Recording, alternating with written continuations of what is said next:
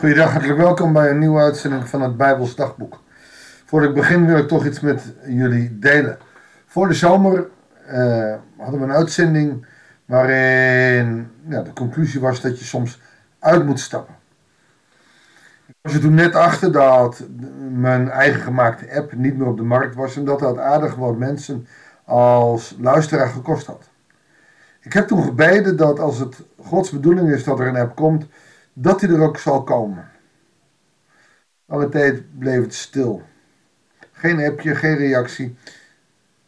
Tot twee weken geleden ik iemand tegenkwam die voor zijn werk die dingen maakte. En ik de brutale vraag had, zou jij zoiets leuk vinden om te maken? Ik kan daar niet voor betalen, want een echte app is gewoon belachelijk duur. Ik zei, dat vind ik wel leuk om te proberen. Nou, inmiddels is er een app in ontwikkeling. Hij komt dan ook officieel op de markt via de kanalen waar ik zelf niets aan hoef te doen. Dus dat betekent dat ik het zelf niet onder, uh, hoef te onderhouden. En er dus minder grote kans is dat hij van de markt afkomt. Het wordt een app die eh, inmiddels ontwikkeld wordt, waarin vooral ook per uitzending of de hele app gedeeld kan worden. Zodat we met elkaar missionair kunnen zijn en steeds meer mensen weer uh, de podcast kunnen luisteren. En ik werk eraan om nog een aantal futures te krijgen zodat mensen nog meer geholpen worden om dagelijks een stille tijd met God te hebben. Nou, dat wilde ik gewoon delen, omdat je dan ook ziet dat als je zuiver durft te stappen, als je dan een gebed uitspreekt, dat je soms ook geduld moet hebben en dat je soms zelf ook nog aan het werk moet, maar dat uiteindelijk, en ook dat zie ik als gebedsverhoring, er toch iemand bezig is om je te helpen. Terwijl ik dus ook een en ander zelf heb moeten en mogen doen. Dat betekent dus wanneer we uitstappen en bidden, dat we niet stil maar wacht maar op onze stoel gaan zitten, maar dat we ook moeten proberen om uit te stappen, zodat mensen uh, kunnen reageren op wat je vraagt. Nou, dat wilde ik meedelen. Dat vond ik leuk en uh, enthousiast. Ik ben er heel erg enthousiast over. Zodra hij op de markt komt, zal ik jullie uiteraard meer vertellen. Vandaag lezen we uit Lucas 17. We zitten weer in Lucas. Uh, lang hoofdstuk. We lezen het derde gedeelte, want zaterdag en zondag was het eerste gedeelte 17, vers 20 tot en met 37. Een mooi, maar ook tevens weer een lastig onderwerp, omdat het gaat over de toekomst. Toen de fariseeën Jezus vroegen wanneer het koninkrijk gods zou komen, antwoordde hij hun, de komst van het koninkrijk van God laat zich niet aanwijzen. En men kan niet zeggen, kijk hier is het, of daar is het. Maar weet wel, het koninkrijk van God ligt binnen uw bereik. Ja, dit is kritiek op mensen die voorspelden in dat en dat jaar komt de Heer Jezus terug. Dan zal God zijn rijk herstellen. Dat kan je als mens niet voorspellen. Op het moment dat iemand dat doet, weet dat het totale nonsens is. Jezus zegt zelf: Het is niet aan u, het is ook niet aan mij, het is aan de Vader. Maar een andere zinnetje is wel interessant. Maar weet wel, het koninkrijk van God ligt binnen uw bereik. Oftewel, het is er al. Kijk om je heen. Dit kan twee manieren betekenen. Of het is in je, maar daarvoor is heel weinig uh, ander en contextuele basis. Het is om je heen. God is al bezig om te werken naar zijn koninkrijk. En hoe weet je dat? Nou, dat is ook de reden waarom ik begon met een stukje gebedsverhoring doordat die podcast gewoon in de wereld te helpen te bidden, God, als er een app mag komen, wil dan ook dat zegen en dat gebeurt ook, dan gebruikt God dat dus de vermeerdering van zijn koninkrijk. Dat is in kerken zo, dat is in jouw leven zo. God wil jou gebruiken om het koninkrijk uit te breiden. Denk dan niet, oh dat kan ik niet of dat zal ik niet. God heeft vele capaciteiten nodig in dat koninkrijk en om het op te zetten. Heeft God ons nodig? Nee, maar hij wil ons graag gebruiken. En dat betekent dus dat het koninkrijk van God binnen ons bereik is. Oftewel, hij is ermee bezig.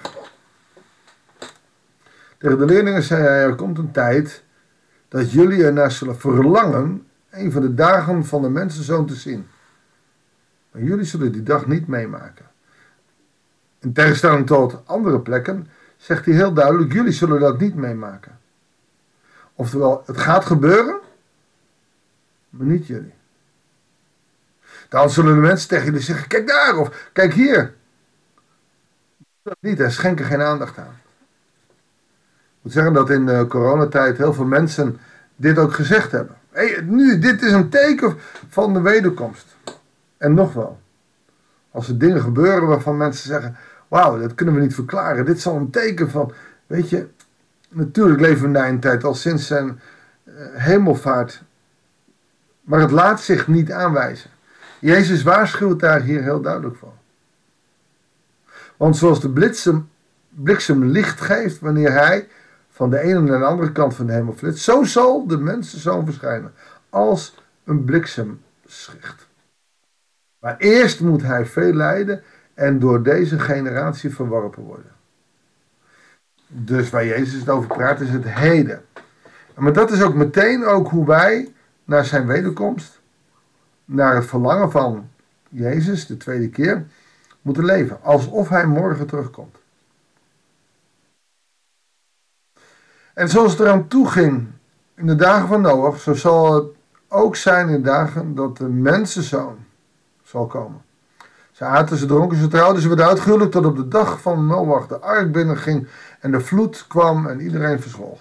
Of, zoals het er aan toe ging in de tijden van Lot. Ze aten, ze dronken, ze kochten, ze verkochten, ze planten, ze bouwden. Maar op de dag waarop Lot wegtrok uit Sodom, regende het vuur en zwavel uit de hemel en kwamen alle om. Zo zal het ook gaan op de dag waarop de mensenzoon wordt geopenbaard. Wauw. Deze zegt elders in het evangelie, dan zullen de schapen van de bokken gescheiden worden. Ik weet niet uh, wie van jullie uh, de film Left Behind wel eens gezien heeft. Op Netflix staat ook weer een, nieuwe versie. Left Behind, die um, gaat over de opname. En dat de mensen plotseling opgenomen worden, de kleren er nog liggen en opeens vertrokken zijn. Dat hebben ze uit dit gedeelte. Wie die dag op het dak van zijn huis is, moet niet beneden nog zijn bezittingen gaan halen. En wie op het land is, moet niet nog naar huis terugkeren. Oftewel, als je opgenomen wordt, moet dat in één keer. Denk aan de vrouw van Lot, die probeert zijn leven veilig te stellen, zal het verliezen. Maar wie het verliest, zal het behouden. En dan komt hij, ik zeg jullie. Die nacht zullen er twee in één bed leggen. De een zal worden meegenomen, de ander achtergelaten. Dat is waarop de film Left Behind gebaseerd is. Het nadeel van die film vind ik een beetje dat de voorganger, de dominee, daar niet werd opgenomen. Omdat die met mooie woorden alles zei, maar uiteindelijk zelf ook niet het geloof had. Wauw, die komt binnen. Maar waar twee vrouwen uh, samen aan het malen zijn, zal de ene worden meegenomen en de andere worden achtergelaten. Dit gaat over de grote opname. Maar de discipelen vroegen, waar heer? En dan gebeurt er weer iets dat je Jezus hier eigenlijk geërgerd ziet. Waar rijk is, daar verzamelen zich de gieren. Oftewel, jongen, doe nou toch. Luister nou toch een keer. Het is een soort gezegde uh, die wij niet kennen, maar uh, het betekent zoiets waar ook is, daar is ook vuur. Je zal het zien, je zal het ervaren.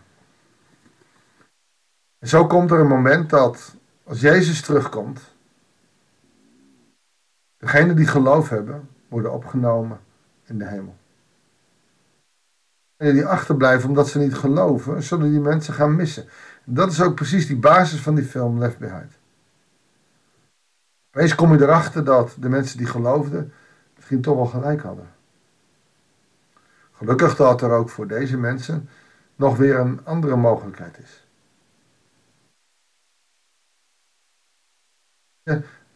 Kunnen de tijd, nog het uur, nog de plek nooit voorspellen.